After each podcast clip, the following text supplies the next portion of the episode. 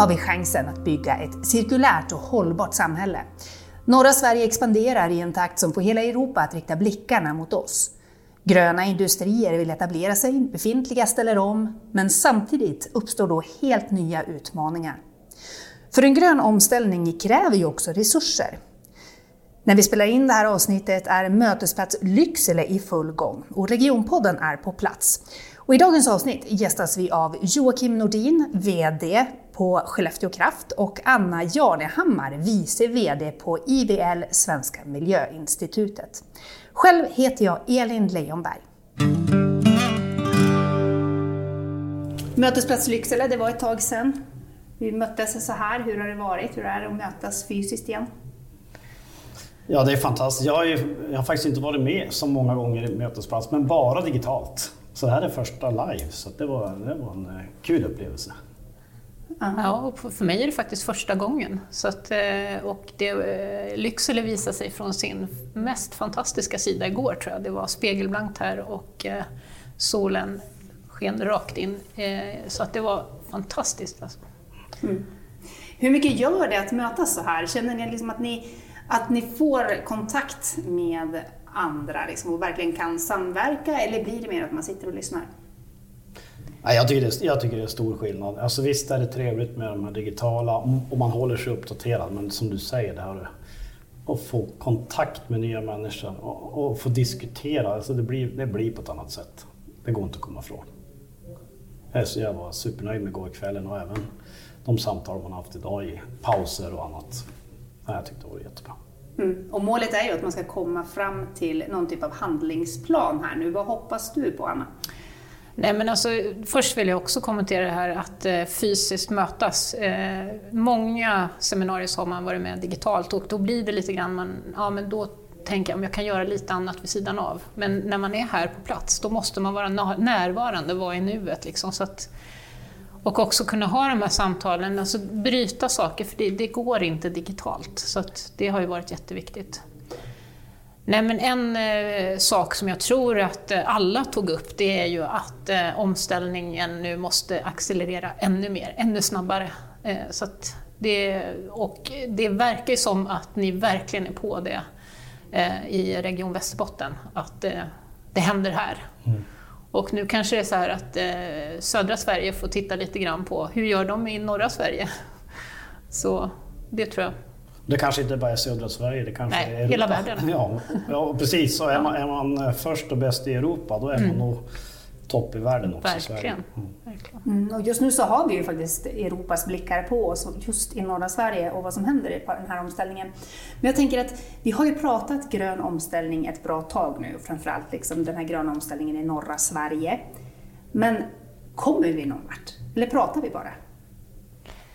Nej, jag tycker absolut att eh, vi kommer någon vart, men eh, det är fortfarande, alltså vi ser ju, när man tittar på de prognoserna som, som eh, för omställning så går det fortfarande alldeles för långsamt. Jag menar, vi måste ställa om ännu snabbare. Men det som jag tycker ändå är unikt nu, det är att alla pratar omställning. Så att liksom alla företag, eh, politiken, eh, också alltså vi konsumenter, medborgare, så att jag tycker att det finns mycket mer förutsättningar nu för att det verkligen ska börja hända. Och jag menar, även som individ så börjar man ju ställa om till elbil till exempel. Så att säga. Så att jag tror att det, det, det, finns bättre förutsättningar nu. Men jag tror att det är saker som, som eh, måste accelerera ännu mer. Till exempel så hänger inte politiken med. Jag tycker ibland att näringslivet går mycket snabbare fram än vad politiken gör.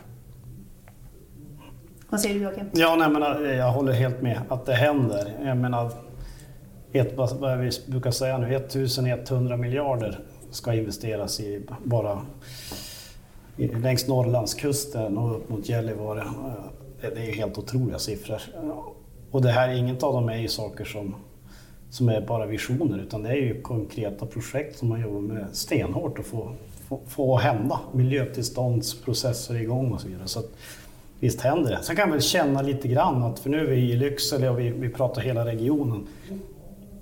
Jag hade kanske hoppats att, att det skulle hända ännu mer i inlandet. Det är ju ändå väldigt koncentrerat längs kusten och sen i Norrbotten är det ju där är det mer hela vägen upp i, i Malmfälten naturligtvis. Men i, i Västerbotten tror vi... Mm, det känns som man kan vara mer offensiv i inlandet. Jag tror, jag tror folk här har inte riktigt förstått vilka fantastiska möjligheter man har. Vad skulle krävas då tror du för att skapa den insikten? Nej, jag, jag, fick ju, jag har ju pratat med folk här. Jag fick ju lite dåligt samvete att vi från Skellefteå Kraft, vi är ju verksamma i 13 kommuner. Vi, vi kanske kan hjälpa till mer, alltså ta, ta klivet. Sen är det inte så att vi kommer, kommer till någon kommun och gör deras omställning, utan det måste ju finnas ett driv därifrån. Men vi kanske kan, kan vara en eh, tydligare partner som hjälper till och som visar att man, vi, vi har gjort det här. Vi gör det här i Skellefteå. Vi har hållit på eh, ja, riktigt accelererat de senaste fem åren. Så att, klart det vi har lärt oss och det vi har gjort, det ska vi kunna ta med till fler, fler kommuner. Vad är det du känner att ni har lärt er då? Ja, men för det första tror jag det är extremt viktigt att man eh, målar upp den här gemensamma bilden om var man ska någonstans. Och då pratar jag, jag menar, kommun, kommunledning och, eh, och näringslivet. Man måste verkligen vara på samma... Man måste sitta i samma möte, man måste se till att man har samma målbild eh, så att alla drar åt samma håll. Och det har, man, har vi verkligen lyckats med i Skellefteå. Vi vart ju tvungna i och med, med Northvolt också att ja, det här skulle hända otroligt fort och då gäller det att vad ska jag säga, du kan inte köra de gamla byråkratiska sätten att jobba ihop utan du får helt enkelt jobba i team och sätta ihop de som behövs och ja, mera informella eh, kontaktvägar och verkligen hela tiden hålla kontakt med varandra och se till att vi drar åt samma håll. Eh, det måste man nog göra även i, i, med övriga kommuner. Vad säger du om det sättet att arbeta, att frångå byråkratin? Och... Nej, men det tror jag är, det är också lite unikt, tycker jag, som ni har gjort i Skellefteå. Att ni sitter, alla de kommunala bolagen, ni sitter vid samma bord och eh, ni pratar med varandra. Det är egentligen över vad ska man säga, de olika områdena. Det kan vara fastighet, det är energi, det är den kommunala utvecklingen. Eh, så att jag menar, när vi tittar på liksom den hållbara omställningen och det vi ska åstadkomma framåt så måste vi jobba med helt nya eh, konstellationer. Det är inte de gamla konstellationerna längre, det är inte i våra silos som vi ska eh, lösa våra eh, problem utan vi löser dem genom att eh, bygga de här samarbetena. Och eh, tittar man på näringslivet så handlar det om, det är ofta de stora bolagen som kanske går före, man har musklerna, man har Eh, Eh, kompetensen, man har pengarna, eh, man har en organisation för till exempel omställningsarbetet. Men om man tittar då på de mindre leverantörerna som ska leverera till de här större bolagen så de har inte riktigt samma förutsättningar. Däremot är de kanske mycket mer snabbfotade och så.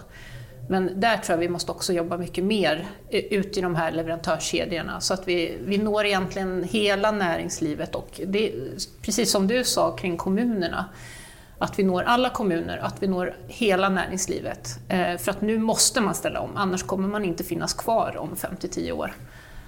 Så att, eh... jag håller helt med. Sen kan man väl i och för sig säga, du, du, du lyfter det helt, det är helt sant. Det gäller att komma bort från silorna, det gäller att få ihop. Och där kanske man i Skellefteå har vi, har, vi har haft lite bättre förutsättningar än många andra.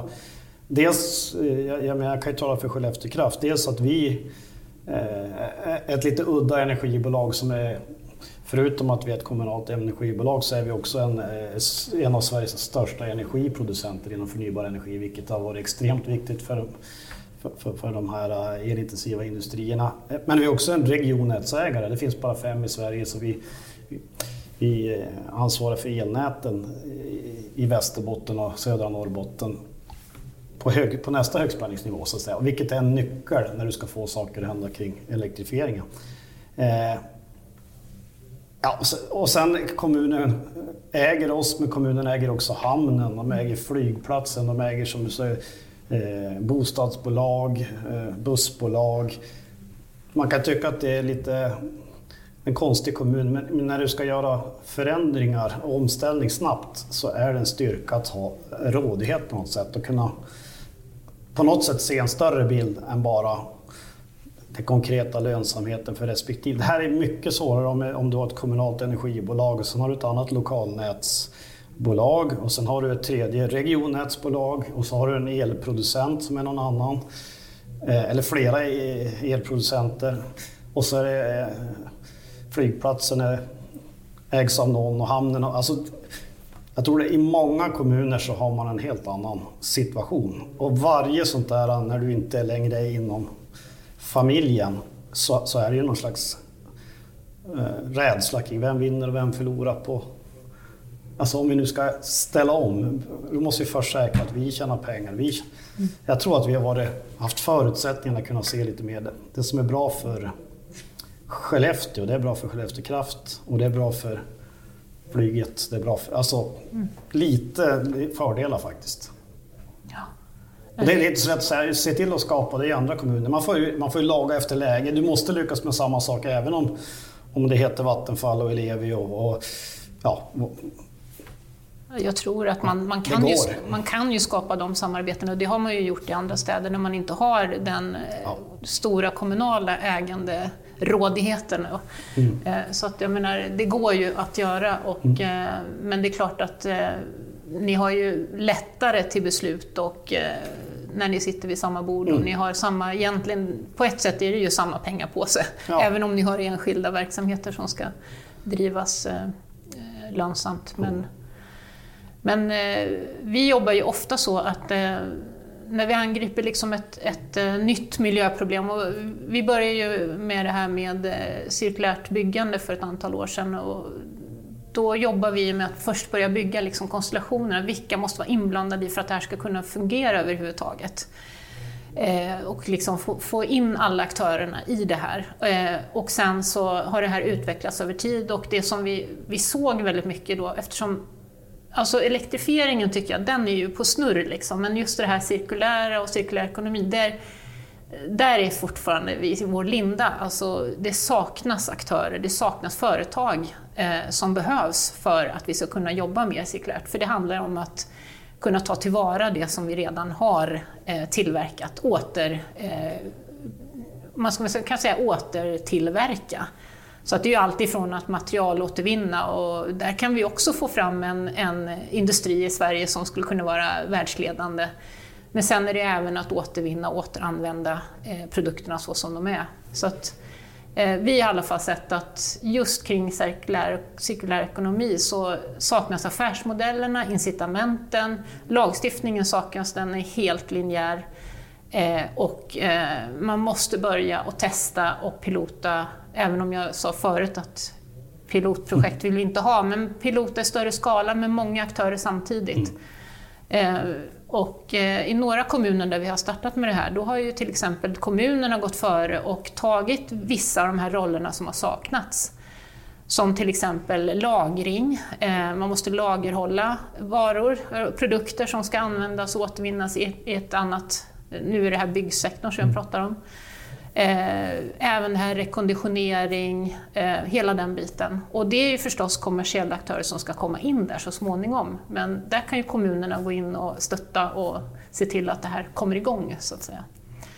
Så att jag tror det ser lite olika ut beroende på vilka delar av omställningen vi pratar och hur, hur snabbt vi har kommit igång. Och det har inte varit lika mycket fokus heller på, på resursanvändning utan det har ju varit väldigt mycket fokus på klimatutsläpp bara. Ja, jag menar...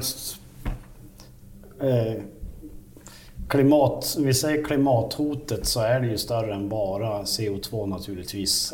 Men, men det är som du säger, det, det, blir någon form av målkonflikt för nu måste vi lösa det här först, CO2. Och, det blir ett enormt fokus. Jag kan bara ref, reflektera kring Skellefteå. Att, jag menar batterifabrik och allt som ska hända nu. Det var ju tvungen att gå extremt snabbt. Så till och med Northvolt och Skellefteå Kraft, vi var ju tidigt inne och sa att vi måste ju fånga alla restflöden. Mm. Vi måste ju, det blir ju massvis med spillvärme och vi måste få in cirkularitet. Vi är båda överens om det, men, men jag menar för Northvolt och Northvolts kunder och alla elbilar som ska fram så är det prio ett är att få fram bilbatterier. Eller batterier till alla applikationer naturligtvis. Så det, blir som en målkonflikt i sig. Mm. Det, det där andra, och optimera det och göra det riktigt rätt, det får vi ta i steg två.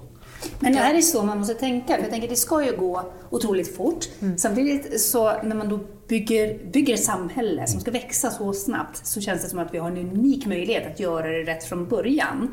Att bygga ett hållbart och cirkulärt samhälle. Men som du säger, det ska ske fort. Eh, affärsmodellerna sitter mm. inte där. Eh, Måste vi då börja med det vi känner till och sen försöka bygga om? Eller har vi möjlighet att faktiskt göra rätt från början? Vad säger du Anna?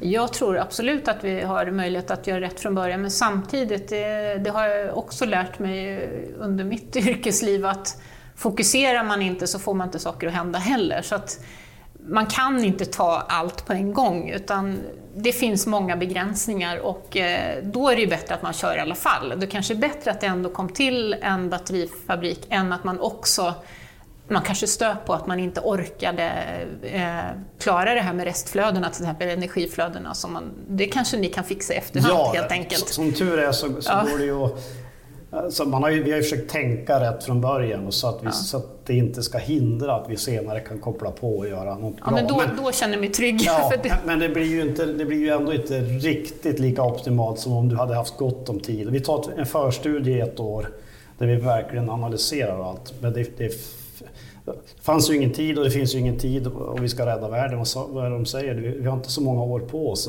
Sju år och sju månader ja. till halvering av eh, utsläppen. Ja, så då mm. kanske det då kanske det får komma i, i steg två. Ja. Nej, men jag tror, alltså det är också det här att allting ska bli perfekt från början. Alltså det, då kommer vi inte ha någon utveckling. Då kan vi sitta och göra förstudier i det oändliga. Så att, eh, nej, vi måste ju våga köra och veta att vi är på rätt väg. Och sen så får vi kanske ändå fixa och laga lite i efterhand.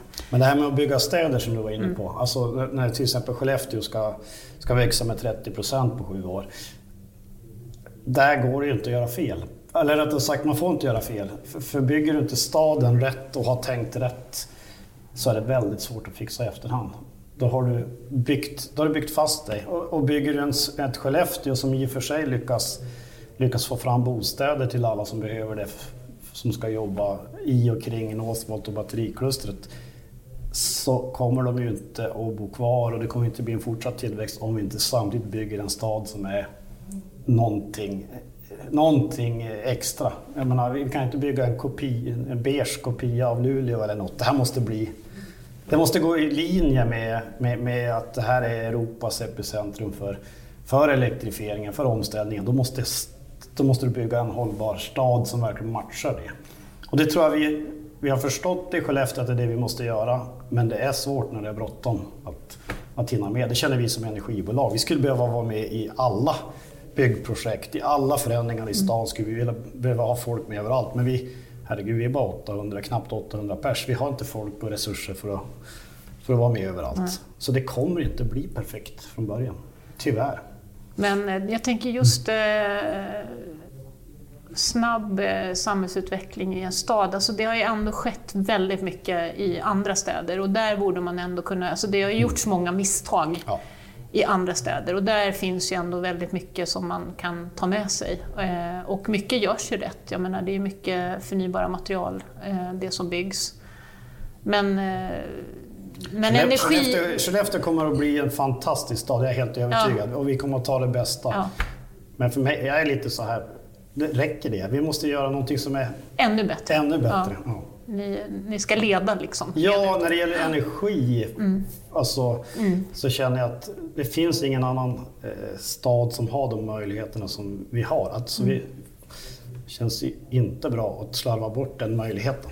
Vilka möjligheter tänker du på då? då? Nej, men alltså, jag, jag tänker elektrifiering överhuvudtaget. Jag, jag, i, I min värld så ska Skellefteå Kraft åtminstone driva på för en fullständig elektrifiering av allt i Skellefteå. Och då pratar jag alla transporter, inte bara persontransporter. Vi är redan inne på flyg, elflyget, så ligger vi längst fram, kanske har elflygtaxi mellan, mellan stan och flygplatsen. Hamnen naturligtvis, eh, bussar givetvis eh, och alla personbilar så att det ska, alla ska kunna köra elbil. Men jag tänker, det är mycket grävskopor i Skellefteå det ska vara el. Ja, det är sopbilar, det är Alltså jag tror vi måste sikta på att vara den första, stadens, första staden som elektrifieras fullständigt. Sen när det gäller bostäder och annat så är det inte bara elektrifiering. Där, där är det mera att verkligen få till, vi bygger in fjärrvärme i hela systemet, avlastar så att vi verkligen kan elektrifiera hela vägen ut till fastigheterna. Och sen då fånga de här spillvärmeflödena på sikt så att vi åtminstone har en vision om att någon gång i framtiden var, var kanske en stad helt utan förbränning också. I första läget så handlar det om att vara fossilfri, men det är inte så svårt. Eh, jag tror att man ska ha en vision att någon gång, någon gång framöver här så skulle man kunna få bort all förbränning också. Men vi, vi lever ju ändå med en bild och har gjort eh, väldigt, väldigt länge här i norra Sverige om att vi har väldigt gott om el. Vi har ett överskott på el. Nu sitter vi i en situation med alla de här industrierna som är väldigt energikrävande, som flyttar hit. Eh, och elen kommer inte räcka, som det ser ut just nu. Eh, Green Steel har stora problem med att kunna få starta i tid för att de inte får elförsörjning och så vidare. Och samtidigt ska då allting elektrifieras. Hur ska man lösa det här Joakim? Eh, jag måste säga att jag är inte så orolig för att, att eh, vi kommer att ha tillräckligt med el för att starta igång allt det här som du pratar om och även H2 Green Steel. Men det är klart när du ser de här scenarierna hur, hur långt man ska komma 2045 med de enorma, jag menar då, då är även jag så här, oj det, det är mycket ny elproduktion som måste komma till innan dess. Men, men tittar du historiskt på hur duktiga vi har varit på att eh, bygga elproduktion snabbt i norra Sverige. Om vi bara fortsätter i, och, och gör det vi redan har gjort så kommer vi klara det här. Så jag är faktiskt inte mest oroad över elproduktionen. Jag är mest oroad över att vi snabbt får till elnätsutbyggnaden. För det som du var inne, även fast vi har enormt mycket eh, överskott av el i norra Sverige så är det ju inte så att vi har överskott av el i alla städer, i alla orter, i alla platser. Utan det kan vara ja, det är enorm skillnad mellan städerna. Bara Umeå och Skellefteå. Jag är ingen expert på Umeå men, men som jag förstår så är det lite på, på gränsen. Mycket, där måste man investera mycket i elnät för att, för att trygga eh, en riktig elektrifiering och omställning av Umeå medan Skellefteå har, har betydligt bättre förutsättningar. Men vad, vad, är det det sitter i då? Sitter det i pengarna för att kunna göra det här tillräckligt fort eller sitter det i kompetens, att det inte finns tillräckligt eh, eh mankraft liksom för att göra det här? Eller vad? Ja, tidigare har det nog suttit väldigt mycket i att Eh, jag menar, vi har inte haft handlingskraft att jobba på nya sätt. Eh, myndigheter, ja, nu ska man inte skälla, bara på myndigheter, men Svenska kraftnät till exempel hade behövt börja bygga ut eh, transmissionsnätet långt tidigare. Nu ska man istället lyfta fram en myndighet som har totalt gått från att vara långsamma till att bli väldigt proaktiva och snabba.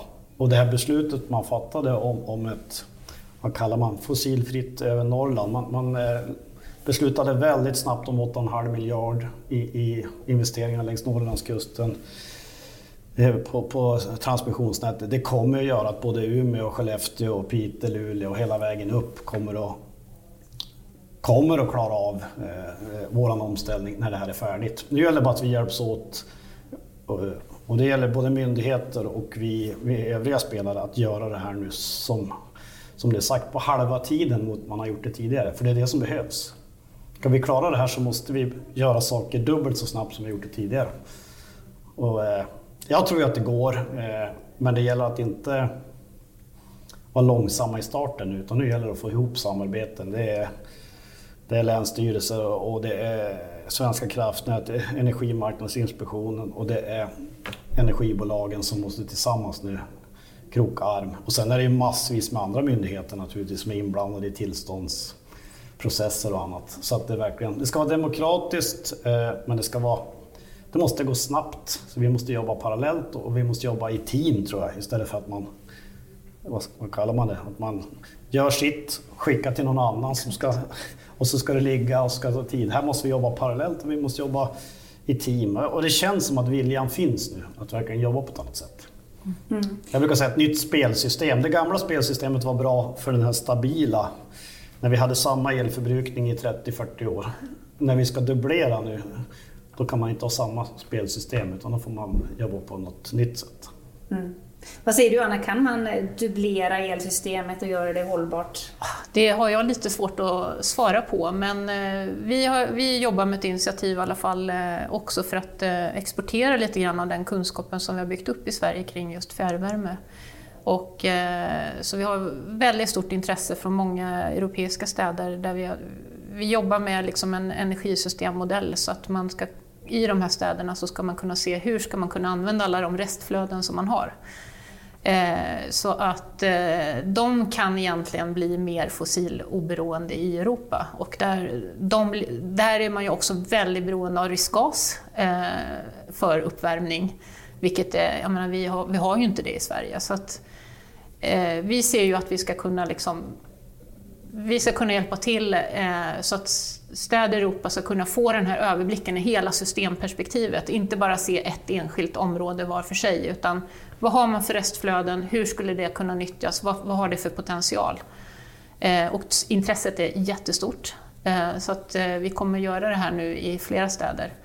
Eh, som eh, ett, jag tror vi två olika städer som vi håller på med nu. Dels i Dublin och Irland och sen eh, har vi, vi har också faktiskt diskussion med eh, FN om att göra det här i 11 kinesiska städer för att där är det också, man har fjärrvärme men det är extremt eh, eh resursineffektivt. Man släpper ut väldigt mycket av den värmen. Det är höga temperaturer och eh, ja, väldigt ineffektivt. Så att jag tror vi kan från svensk sida verkligen också ta den kunskap vi har, exportera den. Ja, jag, tror, jag tror Skellefteå kan ju bli verkligen något man tittar på också mm. om vi lyckas. För jag menar, man ska komma ihåg att vi säger att vi ska dubblera i Sverige fram till 2045. I Skellefteå säger jag att vi ska sexdubbla fram till 2030. Så att går det att sexdubbla i Skellefteå till 2030 borde vi klara att dubblera Sverige till 2045. Eh, jag menar bara Northvolt-etableringen ska man komma ihåg som redan är säkrad. Vi, har investerat i och för sig massvis i i, i eh, elnät och i, runt Skellefteå för hela stadens utveckling och för att klara av batteriklustret. Men, men vi har ju redan säkrat för, för det. Och det är ju, man ska bara Northvolt är ju tre gånger gamla Skellefteå. Mm. Så det är ju, det är ju bara du sen tittar uppe på, på Boden och, och Gällivare, då är det astronomiska ökningar. Mm. Så, så där uppe är man väl lite mer så här, oj, de kommer få det svettigt. Men vi människor är ju ganska snabba på att bestämma oss för om någonting funkar eller inte och därmed säga om det är bra eller dåligt. Eh, om man då tar, vi har ju två olika exempel. Eh, vi har industrietableringar. Om man funderar på att etablera sig i norra Sverige och säger att okej, okay, det, det, är problem att få el Eh, för nuvarande industrier. Hur ska, hur ska det funka för oss om vi väljer norra Sverige? Sen har vi exempelvis elbilar. Eh, antalet elbilar har ju fullkomligt exploderat senaste året bara och det är ju inte många år kvar innan vi inte ska ha några nya fossila bilar. Samtidigt har inte laddinfrastrukturen hängt med där. Eh, så nu är det väldigt långa köer till många laddstolpar. Tror ni att det finns en risk när, när det inte hänger med så att säga, att utvecklingen då också stannar av?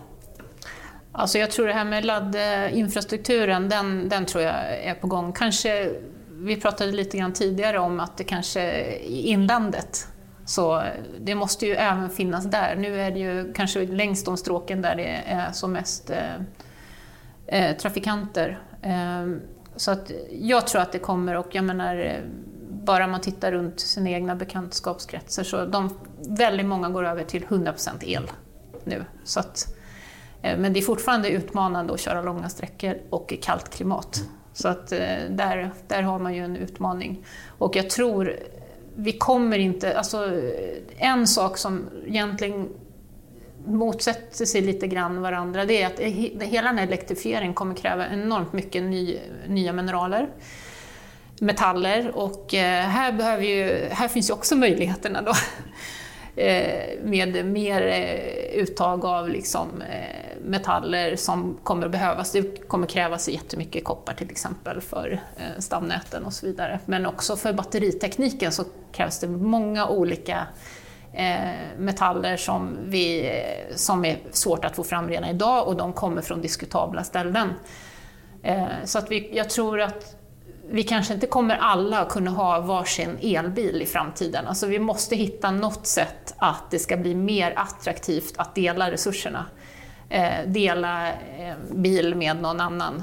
Eh, att vi kanske inte måste äga vår egen bil. Men det är fortfarande väldigt mycket eh, man är så nära det här med bilen och friheten och eh, det vet jag inte riktigt hur man ska komma runt. Så jag tror att alla de här tekniklösningarna så måste vi också börja jobba mycket mer med beteendefrågor och hur får vi det attraktivt att liksom vilja komma in i den här nya mobiliteten och kanske inte äga sin egen bil mm. i alla lägen. Vi ska prata mer om det alldeles strax. Jag vill bara hålla kvar vid just det här med infrastrukturen kring hela elektrifieringen.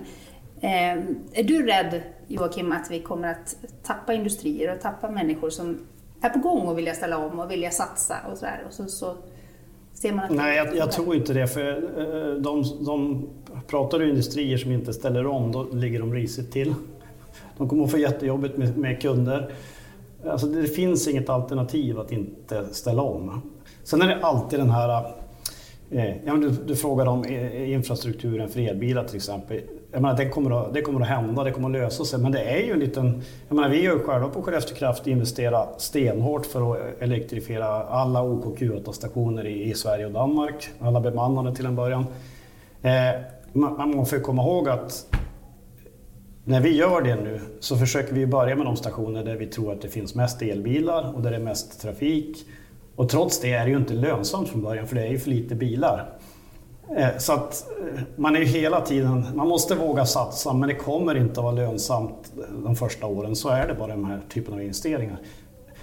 Så att jag tror det, det är lite hönan eller ägget-problematik. Nu har vi valt att satsa ändå, men då åker vi på nästa problem. Vi, vi, vi går ut till alla våra stationer och säger då vill vi ha en elnätsanslutning från kommun A, B, C, D, E. Kan ni och så börjar man säga, nej men vet i södra Sverige, det, finns inte. det tar jättelång tid. De har jätteproblem med, med, med, med elnät och med, med, kapacitet helt enkelt att kunna bara förse eh, tankställen med el till elbilsladdning.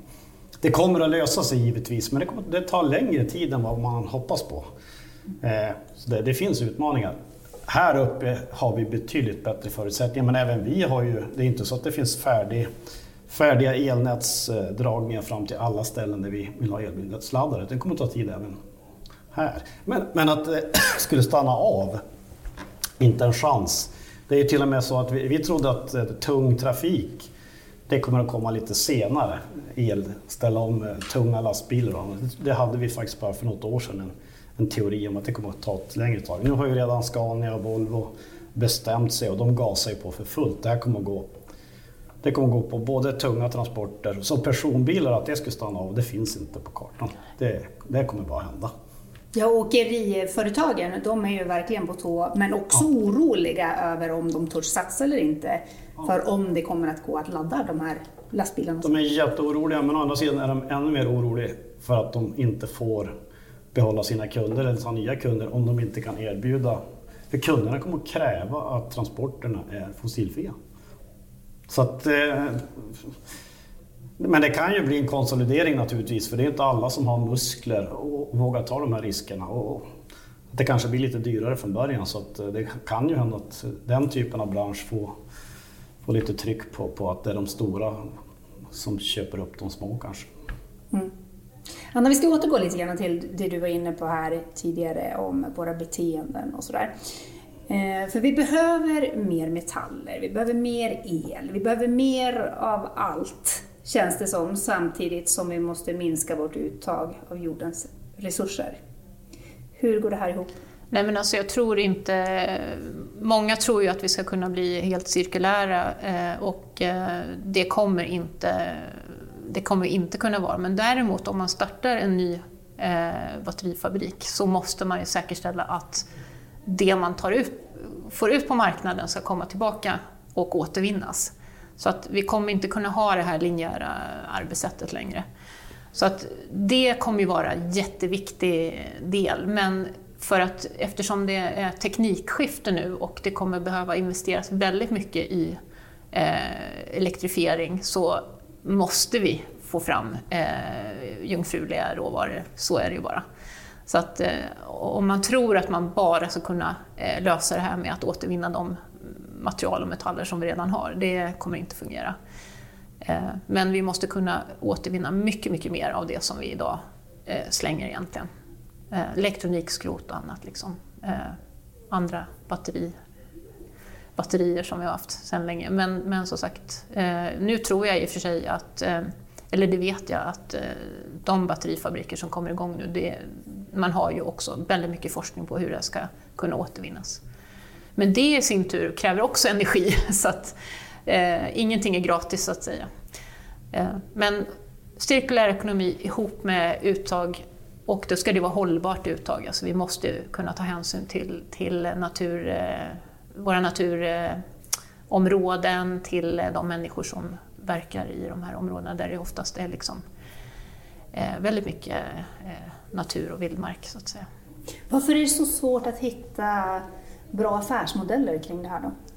Kring just affär, eh, cirkulär ekonomi? Jo, men det är för att eh, egentligen är hela systemet uppbyggt att eh, om man tar egentligen fossilanvändningen så är det någonting vi har optimerat under ja, men sen 50-talet. Eh, tar man till exempel kemiindustrin så, så deras produktion är helt optimerad utifrån att man tar ut fossila eh, råvaror och sen så producerar man kemikalier som man släpper ut på marknaden som sen blir ett avfall. Och, och det här ska nu bli liksom helt cirkulärt. Det finns liksom inte man måste hitta nya råvaror, man måste hitta sätt att återföra de här kemikalierna till kemiindustrin igen. Så att, och det är ju en helt ny teknik och en helt nytt, många olika aktörer som måste samverkas för att det här ska göras. Är det framförallt tekniken det sitter i då? Nej, men det, det, jag tror det, det, det, dels är det politiken. Alltså, lagstiftningen är uppbyggd på att eh, vi tar fram råvaror som vi gör produ produkter som certifieras och godkänns, eh, godkänns ur olika aspekter och sen så ska det hanteras eh, som ett avfall i slutändan. Eh, och då blir det ett avfall och då är det klassat som ett avfall. Då får inte det användas som, som ett, en råvara på en gång utan då måste man återvinna det här och det ska klassas om och bli en råvara igen. Och hela den där processen, lagstiftningsmässigt, den finns inte riktigt på plats. Men det pågår jättemycket på det här, men det är inte tillräckligt på plats. Så det finns många hinder. Eh, och sen är det också att det blir utspritt. Liksom. De produkterna vi tillverkar de blir ju väldigt utspridda i samhället, de hamnar i andra länder. Till exempel eh, den fossilfria stålen, den vill man ju nu kunna spåra så att när man väl får tillbaka den så ska man veta att ja, men det här är fossilfri stål. Men du ser ju ingen skillnad på det när du liksom har det i en produkt. Så att, hur ska du få den här kedjan att fungera? Man måste bygga egentligen baklänges eh, värdekedjor som eh, samlar in, ser till att det kommer tillbaka och att det kan återvinnas. Eh, och så. Det här är ju tydligt så. att tra transparens kommer ju vara superviktigt och det här ja. kommer ju innebära det kommer innebära pålagor också för här kommer vi måste Ja, det, det, ser vi redan nu att årsredovisningar i framtiden är inte bara årsredovisningar. Du måste ha samma revisorer som granskar eh, hållbarhetsaspekten av allt. Och, och, tidigare har vi visst vi har haft hållbarhetsredovisning men nu blir det nu, blir det, nu krävs det 100% transparens och du måste ta det i leverantörsled och, ja, hela, hela kedjor. Så det kommer ju det kommer, eh, det kommer ta tid innan allt är på plats men det kommer också kosta. För det här måste ju alla företag måste lägga ner mm. mer resurser eh, för att kunna vara transparenta. Mm. Men det är ju enda vägen.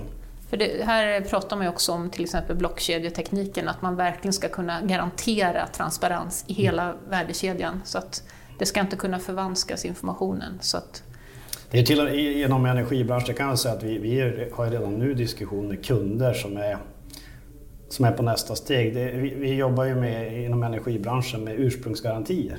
Så man vill vara säker på att man har grön energi. Eh, men nu, är ju, nu börjar det komma så långt så att i teorin kan man ju ha en fabrik i Polen som gör batterier i ett koldistrikt och så köper man ursprungsgarantier från Norge för att det är vattenkraft från Norge som man... Men det hänger inte riktigt ihop. Om man ska... det, det hänger ihop i det stora systemet, det är jättebra att det finns inte mer ursprungsgarantier än vad som verkligen är producerad grön energi. Så att på det stora hänger ihop. Men det är svårt att säga, är det verkligen gröna batterier man har gjort i Polen? Det vill man ju naturligtvis inte i Northvolt säga, det är det ju inte. Vi är ju riktigt gröna. Men då måste man ju spåra, vars kommer elektronerna som har gått in i våra batterier? Från vilken anläggning, vilken timme och hur mycket? Jag är helt säker på att det är dit vi är på väg. Jag, eh, jag läste just, vi har gjort en sån här omfattande omvärldsanalys på jobbet inför vårt strategiarbete. Mm. Och, eh, en sak, för finanssektorn har ju också vaknat eh, väldigt mycket kring det här och vad man ska investera i. Men det är för dåliga metoder för hur man ska liksom transparent kunna visa, är det här verkligen hållbart? Eh, och till exempel, eh, det är ju även inom Sveriges gränser, då, då, kan du som fastighetsägare till exempel köpa grön el och då får du helt plötsligt en jättegrön byggnad. Men det är inte säkert att det är den elen som kommer just till den fastigheten och du har den elen du har i, i systemet så att säga. Så att, ja, det här kommer vara en väldigt viktig fråga. Hur ska du räkna och hur ska du bevisa vad du, vad du har mm. för hållbarhet i din värdekedja? Ja, det här gynnar ju verkligen vi i norra Sverige och Västerbotten. För här är det ju 99,5 procent redan förnybar eh, el. Så att vi har ju alla förutsättningar att nyttja den här styrkan. Eh, vi har inte de problemen. Men ni har bättre spårbarhet Ja, precis. Så mm. Hörrni, det är valår. Vad vill ni se för satsningar från politikens håll för att den här gröna omställningen ska lyckas? Ja, ännu snabbare mot lagstiftningen. Alltså jag tycker lagstiftningen släpar efter. Eh, sen är det alltid så att näringslivet inte alltid vill ha lagstiftning, men i det här fallet tror jag faktiskt att man vill ha hårdare, hårdare krav för att det driver också innovation eh, framåt. Så det tror jag ändå, inom klimatområdet så måste vi skärpa ännu mer liksom, för att komma framåt. Sen är det klart att eh, investeringar också och eh, undanröja hinder så att liksom för den här omställningen är jätteviktigt. Joakim? Det, det är framtaget en elektrifieringsstrategi som presenterades för inte allt för länge sedan och den är framtagen i samarbete mellan, mellan eh, energibranschen, hela näringslivet. Eh, ja, man har bjudit in eh, offentliga myndigheter alla har fått vara med. Jag känner att det har blivit en jättebra produkt som det nu förhoppningsvis ska bli action av. Lite orolig när du säger val, för det är klart, det är ju en regering som har suttit och har lagt fram den här. Även om det inte är en politisk produkt, den är tagit fram väldigt brett. Men det är klart, eh, oppositionen har inte varit inbjuden att vara med. Så att, så att beroende på vad som händer i valet så är man ju lite orolig om vi ska som börja om och, och debattera hur en strategi för elektrifiering ska gå till. Det behövs ju inte någon mer väntan. Det måste verkligen, jag hoppas verkligen att vi får köra på den här strategin och att det blir action. Det, det tycker jag är viktigt. Jag tror svaren finns i den strategin på vad som behöver göras. Mm. Avslutningsvis då, 2030. Hur ser vårt samhälle i norra Sverige ut då? Anna? Ja, då, efter vad jag har hört här idag så tror jag att eh, många fler har flyttat hit eh, för att fylla det kompetensgap som finns. Eh, och det har man gjort för att man har byggt attraktiva städer det är attraktivt att bo här, det finns, eh, man har också lyckats liksom kombinera det här med det som är unikt då med naturen och eh, den, de omgivningarna man har. Eh, det, kom, det kommer vara människor från hela världen. Det kommer inte bara vara svenskar om vi får kalla oss så. Så att vi får lära oss att eh, inte vara så exkluderande. Vi kommer prata engelska på våra arbetsplatser. Så att det tror jag, så kommer samhället se ut när det gäller befolkningen. Sen så tror jag alltså det kommer vara otroligt eh, framåtsiktande med eh, elektrifieringen har ju liksom, där tror jag vi har kommit fram med el, eh, eldrivna fordon och förbränningsmotorerna är borta. Men vi har också lyckats ta tillvara alla de här restvärden, rest, eh, restenergivärdena eh, så att eh, det värmer våra bostäder. Det låter ju härligt, där vill man ju verkligen bo. Och jag, men jag, jag håller med, jag, jag, jag, ser en väldigt ljus utveckling i, i den här regionen. Men det gäller ju verkligen att vi, att vi gör det här på rätt sätt nu när vi, när vi växer. Att det verkligen Alltså hållbarhet måste vara... Man måste ha med alla aspekter i alla beslut vi tar nu framåt. För det, den unika fördelen, förutom den förnybara energin, eh, så finns det så mycket annat som vi inte får göra avkall på nu. Eh, det, det, det, är ju fantastisk natur och miljö att leva. Eh, jag vet ju själv, jag, jag bodde i fyra år i, i, Brasilien och det är fantastiskt på sitt sätt. Men när man hade med sig folk från Sydamerika till Sverige, upp till norra Sverige och fick se det här, alltså de var ju helt... Alltså det är någonting som, som är unikt. Så vi måste behålla de styrkorna. Vi får, inte, vi får inte vara oförsiktiga när vi växer. Vi måste göra det hållbart. Stort tack för att ni var med i Regionpodden. Tack. Tack.